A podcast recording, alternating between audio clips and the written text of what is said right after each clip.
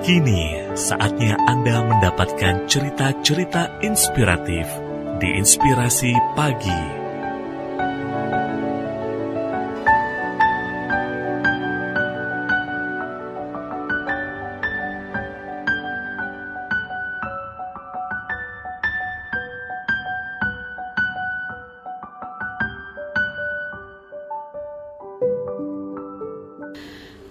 Jangan tunda lakukan kebaikan.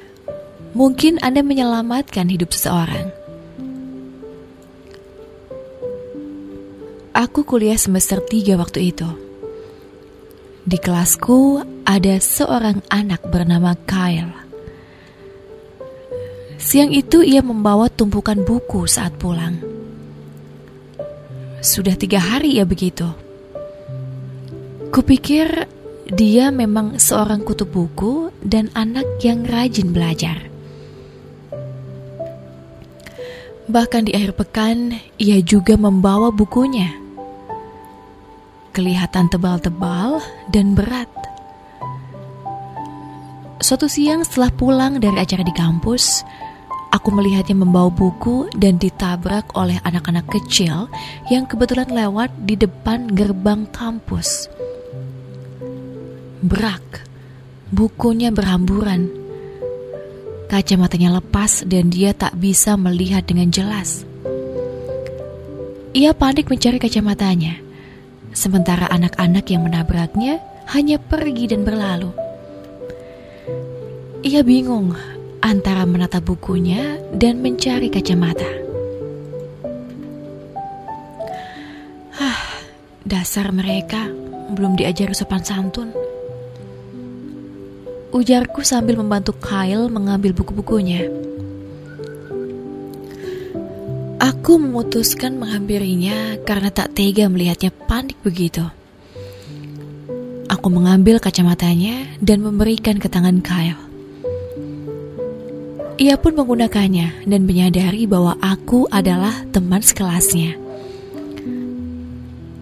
Oh, hai, ujarnya. Senyum tersungging begitu mengembang dari bibirnya. Ia nampak sangat senang melihatku, entah mengapa. Setelah itu, aku membantunya membawa buku dan berjalan bersama. Ternyata tempat tinggalnya tak jauh dari tempatku, jadi kami pulang bersama. Dua tahun berlalu, Kyle dan aku sudah menjadi sahabat dekat dengan beberapa teman lainnya. Ternyata Kyle senang dan pintar basket. Ia juga mengajari kami banyak teori pelajaran, sehingga kami bisa lulus dengan cepat seperti dirinya. Kyle kini menjadi pria yang benar-benar menemukan jati dirinya. Ada empat lulusan terbaik di kampus. Salah satunya adalah Kyle. Ia diminta menyampaikan pidato di mimbar. Ternyata di sana, ia menyampaikan sebuah pidato yang mencengangkan tentang dirinya. Ia bercerita tentang pertemuan pertama kami. Di hari itu sebenarnya Kyle ingin bunuh diri. Kyle membawa semua bukunya pulang ke rumah agar ibunya tak harus melakukannya setelah ia meninggal. Untungnya aku selamat seorang teman menyelamatkanku tanpa kami berdua sadari. Ujarnya di panggung dengan senyum. Ia menatapku dalam-dalam. Begitu juga kedua orang tuanya membalikan punggung dan mengangguk dengan senyum penuh makna padaku. Aku tidak tahu bahwa ternyata apa yang kulakukan hari itu sudah menyelamatkannya. Entah apa yang terjadi kalau aku tak menghampirinya dan menyapanya hari itu. Jangan sepelekan tindakan kecil.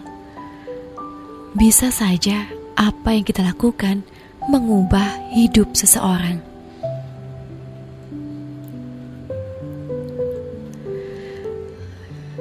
Kerabat Imelda Kisah ini bersumber dari www.female.com untuk inspirasi pagi. Email FM.